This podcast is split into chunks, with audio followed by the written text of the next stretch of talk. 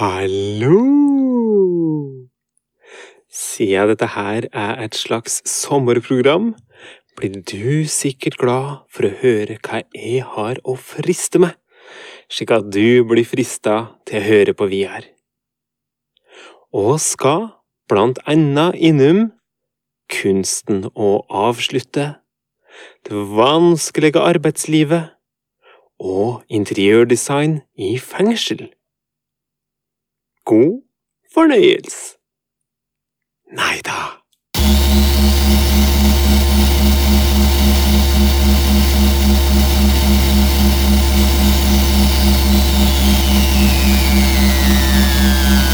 Hei,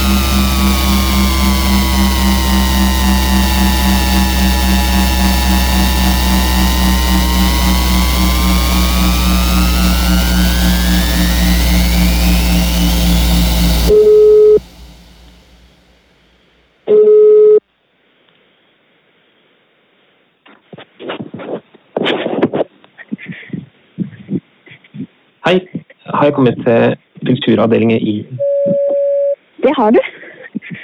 Fint. Prater med kulturredaktør. Det gjør du. Um, er du ute og går tur? Det gjør jeg. Du, jeg ringer fordi jeg ser jo at du eh, skriver en del om kultur. Det er jo ikke så rart, du er jo kulturjournalist og kulturredaktør. Og så ser jeg at nesten alt det du tar tak i, handler om enten eh, litt slik kulturpolitikk her i landet, forholdsvis enkle greier, eller da når det gjelder eh, verk, altså film og musikk og litteratur, så er det fryktelig mange ting som enten da er norsk eller kommer fra USA. Sånn det meste egentlig at Finn er jo egentlig ting som er store i USA, som er det du skriver. Men ser blant annet her denne eh, dokumentaren om eh, Whitney Houston. Eh, ingenting galt med henne, altså. Eh, og om eh, Tupac, ser jeg du tar tak i. Og, og Mennatingum og, og Skrivum. Og det har vel anmeldt meg, for så vidt, dette dokumentaren. Og så skriver jo du at du er over snittet Jeg at plass. eh, at du er over snittet interessert i kulturpolitikk. Eh, og da bare lurer jeg på eh, Når nesten alt det du skriver om på kultur, er ting som kommer fra de store kulturdistributørene i USA. At du egentlig eh, mest ofte skriver om ting som er hypa i USA nå for tida. Om ikke du da tenker over at det er en superpolitisk handling å drive med? At det er, at det er kjempekulturpolitisk? da? Men det er jo et spørsmål hva folk vil ha. Ja, det er mulig det, altså. Eh, og på samme tid så er det vel vanskelig å ønske seg noe annet hvis kulturjournalister som f.eks. du aldri byr på noe annet enn akkurat eh, det amerikanske eh, distributører og eh, for så vidt det amerikanske kulturformidlere ønsker å, ønsker å spre ut. Du har skrevet en podkast her. Jeg fikk jo to treff på det. Da er det eh, S-Town, som jo er en helt super podkastsuksess. Eh, og så fikk jeg ut en Serial. Den er jo fra et par år siden. da, eh, og den var jo kanskje det var da på den tid den største podkastsuksessen i USA. Nå er jo S-Town på en måte har overgått den. og Både de to er jo ting som du ikke akkurat trenger å utforske noe for å oppdage. Det er jo rett og slett du, du ble med på en bølge der du ble med på hypen fra USA. Det er jo noe med at USA er utrolig flinke til å produsere, mange, altså produsere kultur som de bringer ut i været. Uh, og så er det jo en måte opp til oss da, å si om er dette her interessant for oss. sant? Uh, ingenting går med Newsen og ofte et spennende liv, men det er jo mange som hafter rundt i verden. Da. Jeg tenker, er sånn, eh, og, og Tupac, sant? Eh, kjempespennende eh, kulturpolitisk figur og, og kulturell skikkelse og alt slikt der, men, men den finnes jo ganske mange. så tenker jeg, Hvordan kunne eksempel den norske offentligheten fått med seg Ulrich Seidel? da, sant? Kanskje den eh, ta mer regna som den største filmskaperen i verden i dag. Men han kommer fra Østerrike, sant? så det er ikke så mange som, har, som hører med den. Det er ikke i nyhetene hele tida. Jeg vet ikke om du har noe, du kanskje ikke noe kjennskap til han. Det lurer på, altså, egentlig så lurer jeg bare på, når du da er over snittet interessert i kultur, om du ikke skjønner at du er en kulturpolitisk aktør, og at du spiller en ganske stor rolle. Og at det at du da viser absolutt null interesse til å utforske noe sjøl, eller oppdage noe sjøl, eller bringe noe annet inn i, i vår kulturelle diskurs og vår kulturelle hverdag eh, enn akkurat det som alle andre med bryr seg fordi at det er den nye store fra USA, og så er uansett litt sånn i etterkant fra USA, og at du, du ikke skjønner at du er med og dyrker den forestillingen av at USA er verdens midtpunkt, og at oss eller oss andre bare er i periferien for deres eh, USA-sentriske kulturforståelse.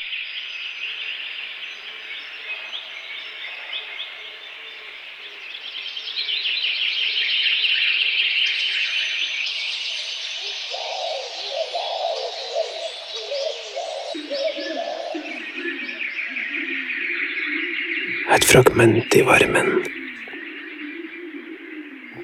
Du kan se hver dag ei mor som går tur med ei sportsvogn. Mange timer hver dag der det er grøntområder, der det er parker, der det er skog. Standhaftig, målretta. Oppi sportsvogner står et innramma bilde av babyen som ikke lenger er i live.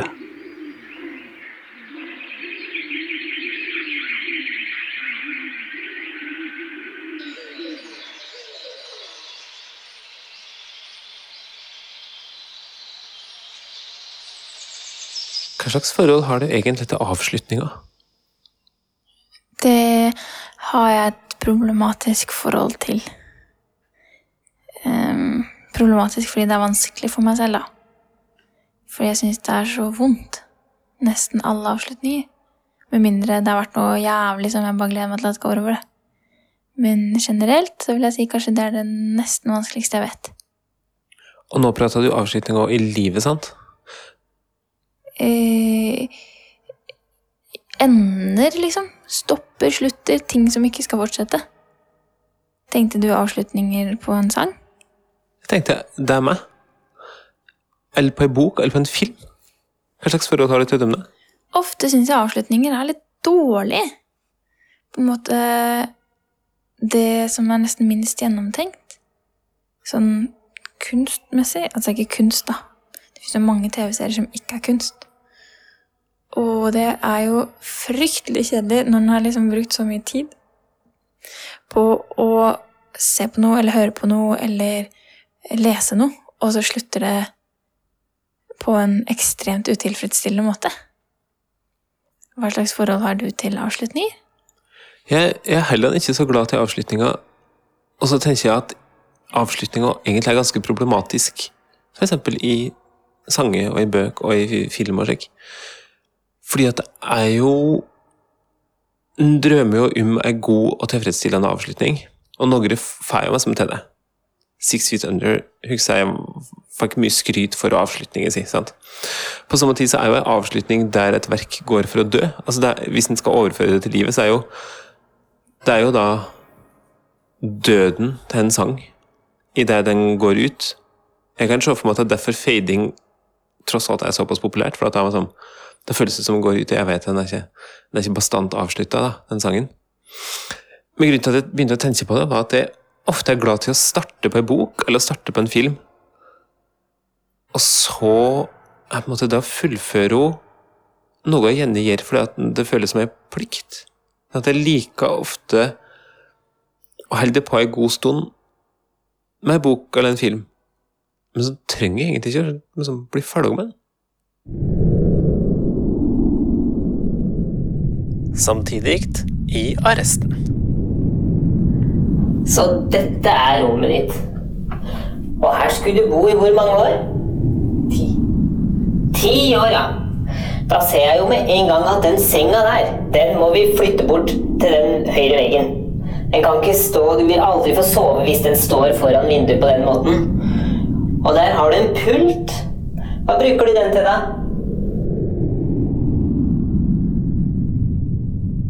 Har du på samme måte? Nei. Men jeg har det sånn med venner eller bekjente eller folk. At eh, det å avslutte noe er liksom så endelig og avsluttende. Jeg liker best at ting bare ja, sauses litt ut, blir litt tynnere. Sånt. Vet du om noe som du har tykt har fått en skikkelig god avslutning? Da jeg slutta på ungdomsskolen, syntes jeg det var en bra avslutning. Um, jeg syns også Six Feet Unders avslutning var egentlig skikkelig bra. Jeg syns ofte det blir noe litt sånn kunstig med avslutninga. For det, er jo ikke, det ikke det noen skriver bok for. I få tilfeller, i hvert fall. Jeg kommer på nå ei bok der det er slikt der Du tror at E-personen som du har fulgt gjennom hele boka, er, en fyr. Alt er som er lagt opp til det. Og så siste, på siste side altså det, jeg tuller ikke, på siste side så blir det da referert til E-personen. Det er noen som spør Og du da, Monica? Og da må du liksom tenke gjennom alt på nytt, da. Men egentlig er jo det en litt der irriterende gest. sant? Eh, jeg skjønner at det var artig tenkt for den forfatteren, og så er det liksom Ja, det er akkurat litt artig, da, men det er jo Det er egentlig bare en kunstig greie, da. At den skal, liksom, skal få alle trådene til å komme sammen igjen, og så skal det på en måte bli en god avslutning. Og, og livet er jo nesten aldri slik. Det er ikke slik at folk uh, lever livet sine. altså Til slutt så alle personene som har vært vesentlige i livet, nå fast nøsta dem sammen, og så ble alle venner til slutt, og så fikk det en slags verdig avslutning i det jeg skulle dø. Det skjer helt sikkert. Jeg tror ikke det er det vanligste. Jeg leser en bok nå, Max Mischa-offensiven av Johan Harstad. Og Max, på side 600, så har han blitt teaterregissør, og så setter han opp et stykke. Og det tenkte han helt på, for det heter Ocean, da. Jeg vet ikke om det fins på ordentlig, men det handler om eh, Dette er etter 11. september 2001, da det var disse tvillingtårnene som raste fordi noen kjørte fly inn i dem. Så da er det et stykke som egentlig ikke har sammenheng med det, men som blir veldig relevant, som handler om at det er to mennesker på en sånn oljerigg langt under vannet, og de må reparere den, eller kommer han til å komme inn og drepe dem. Og det føles meningsløst, og så vil han ikke at publikum skal sitte igjen med en sånn rensende eller renselsesfølelse. Han vil bare at de skal gå ut derfra uten å føle at noe har blitt forløst, og med en slags sånn der gryende angst. Og så tenker jeg, ja, alt vi leser eller ser eller hører eller ikke alt, men mye har den det, det ønsket at avslutningen er så konstruert for at vi skal føle noe, eller føle at nå var det en, eh, en logikk i det. Sånn som du sier, da, det har jo ofte ikke sånn at eh, idet du dør, så ringer du mora di, og dere skværer opp etter 40 år. Altså, det skjer ikke, men det skjer alltid sånne ting. Og da tenker jeg, hvorfor driver vi og lurer oss selv til å ville ha det? For det gjenspeiler jo noe helt annet enn det vi lever i, på en måte. Det syns jeg er ganske spennende. Er jeg tror jeg hadde likt godt uh, en bok som bare slutta midt i en setning, og som at, at det ikke egentlig det, ikke, det var ikke slik at oi, nå hadde vi kommet til en plass der det passa å avslutte, men bare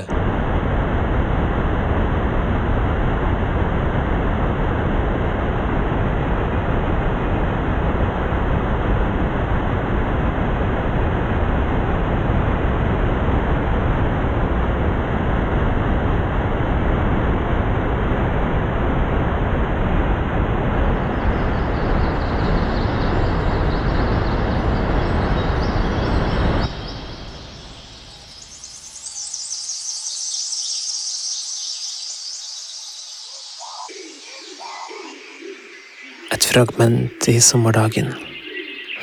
Ekteparet som istedenfor å kjøpe seg ei dyr hytte, har lagt seg inn på ei campinghytte på en campingplass, og som nå står utafor og luka i bedet og bæsa hytta og så gå ned treet som skjerma for solet.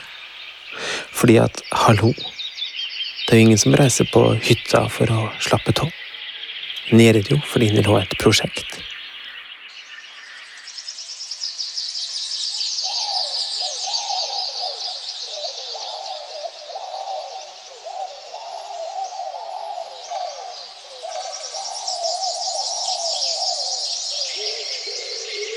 Jeg kan jo ofte føle når en avslutning burde komme.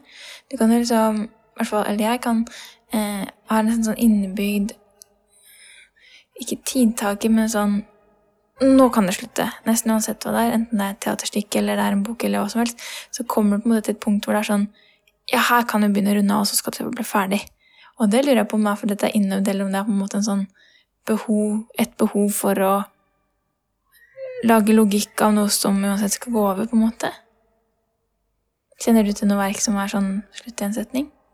Nei, Da skal jeg utrolig ønske at jeg gjorde det.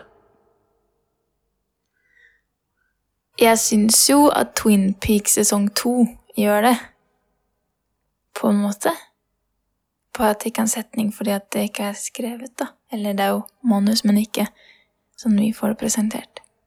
Da var det sånn Hæ? Sånn. Jeg skulle på en måte ønske at eh, Mozarts rekviem slutta der så langt Mozart kom. Eneste dumme da, er at det er jo Lacrimosa som er det mest kjente fra Mozarts rekvem, og det var vel akkurat så langt han kom. Han fullførte vel ikke den sjøl, men det er fram til deg og.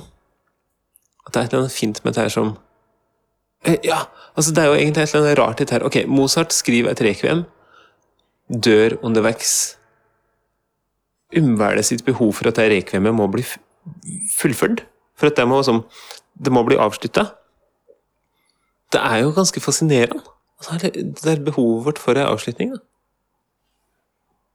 Hvorfor var det ikke Historie er jo på en måte vel så sterk hvis det bare var 16 takter til Lacrimosa. Jeg husker ikke hvor mange som han rakk å skrive, men hvis det var som Du hører at et eller annet gang, og så vet du at det er døde Mozart, og det ble ikke noe mer. Jeg hadde digga det.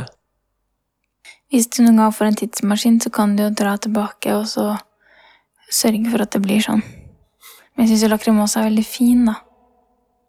Enig til det, altså.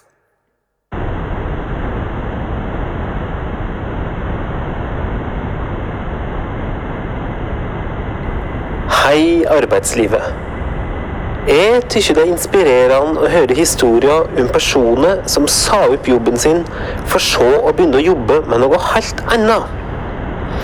Slike historier skaper en illusjon til at det går an å få seg en jobb som en føler seg trygg nok til, til at en bare kan si den opp.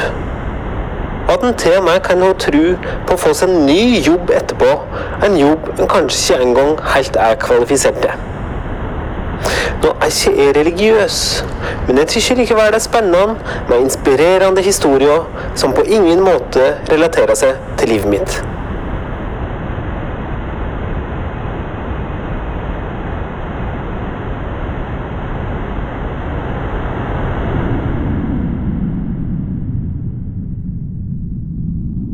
Og så attende til cella. Ja, den pulten, den synes jeg vi setter der senga sto. Så kan du sitte der, og så har du litt sånn utsikt. Det er ikke så mye utsikt, men da, du, da, får, du, da får du litt lys inn. Og den stolen hva pleier du å gjøre når du sitter i den stolen?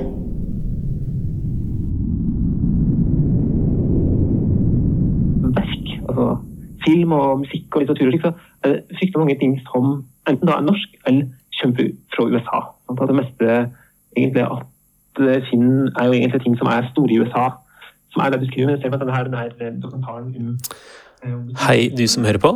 Nå skal du få ei lita utfordring. Jeg regner med at du er kjent med Vietnamkrigen.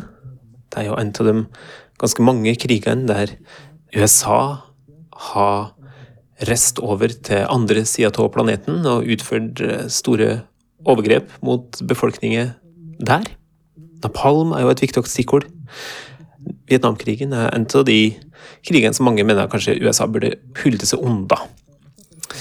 Vietnamkrigen er jo mer skildra mye, særlig på film. Jeg kan nevne filmer som eh, Apokalypse nå, Platoon, Good Morning Vietnam, Forest Gump, Hjortejegeren. Så utfordringen min går ut på at du gjør opp et lite regnskap for deg sjøl, der du tenker over hva etter filmer eller andre verk du kjenner til om Vietnamkrigen som ikke er amerikanske, men kanskje til og med hm, skal si vietnamesiske?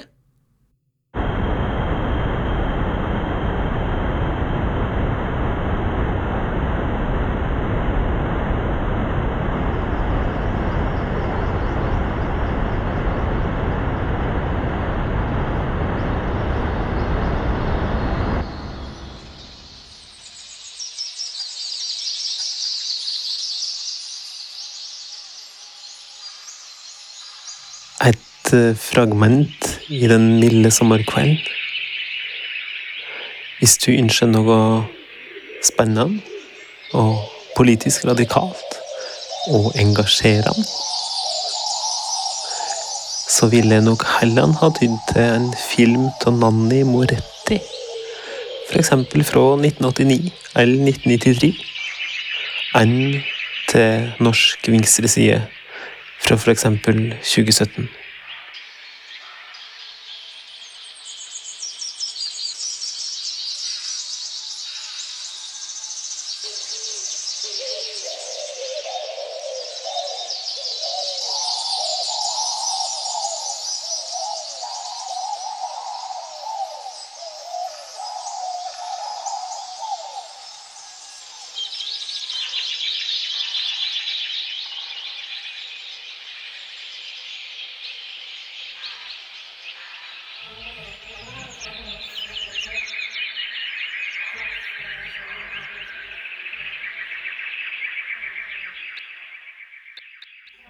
Jeg har tenkt på at det er utrolig vanskelig dette å avslutte med mennesker eller relasjoner. Og det er utrolig underlige i Hvis en har vært kjæreste med noen ganske lenge eller veldig kort, eller veldig sterkt i hvert fall, og vært sammen nesten kanskje hver dag og hele tiden, så skal en plutselig bare ikke ses mer, for det skal avsluttes. Og sammen med sånne derre folk jeg har tenkt at jeg skal kutte kontakten med, hvor drastisk det føles å bestemme for at aldri mer skal vi ses eller snakkes. Det er jo en absurd greie, egentlig, i behovet for å være så bombastisk at ting bare må stoppe for alltid. Og så kan det jo forandres, men i utgangspunktet var jo ikke ideen det. Det syns jeg er veldig rart.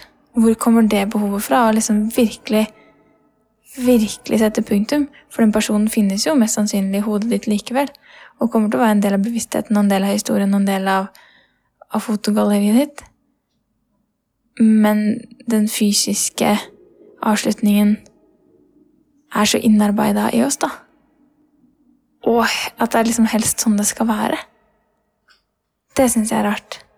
Sånn som da du sluttet å være sammen med gamle kona di, og mitt behov for at dere ikke skulle sees.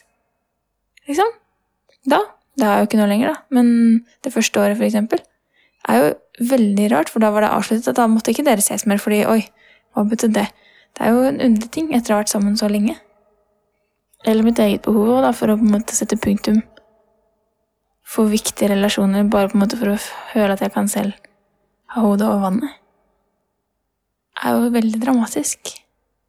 At det kan føles som eneste måten å komme seg videre fra her på. Det er litt som at man må rydde benken før en kan begynne å bakke noe nytt. Det er bare at den benken er jo bare en metaforisk benk. Ja. Det kan bakes en del brød på gammel kjærlighet. Og det er helt greit.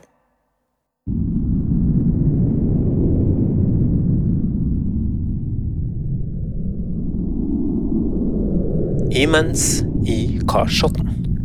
Da syns jeg vi skal gå ut igjen, og så ser vi når vi kommer inn nå. Skal vi se hvordan det ser ut. Nå lukker vi døra. Så åpner vi, så kan du si hei til det nye rommet ditt. Kjenner du det? Helt annen følelse? Akkurat sånn skal det være. Det vi har tatt på alvor, er jo at de innsatte bruker utrolig mye tid på rommene sine. De skal bo der i årevis. Derfor har vi altså hyrt inn disse konsulentene, som er eksperter på fengselsjui. Og så får vi alle rommene i fengselet vårt til å bli spesialtilpasset til fengselsjui, som er en vitenskap, altså.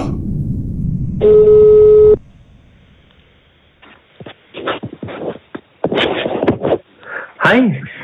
Jeg prater med politisk redaktør i eh, Ja, fint. Du, ser, du eh, regner jo deg sjøl som en politisk nerd, ser jeg. Eh, og da lurer Jeg på, jeg har sett litt på den politiske dekningen din, og den handler stort sett om Donald Trump og den personen som, som er i apparatet rundt Donald Trump. Så lurer jeg bare på om du da har noen som helst tanke om at du er med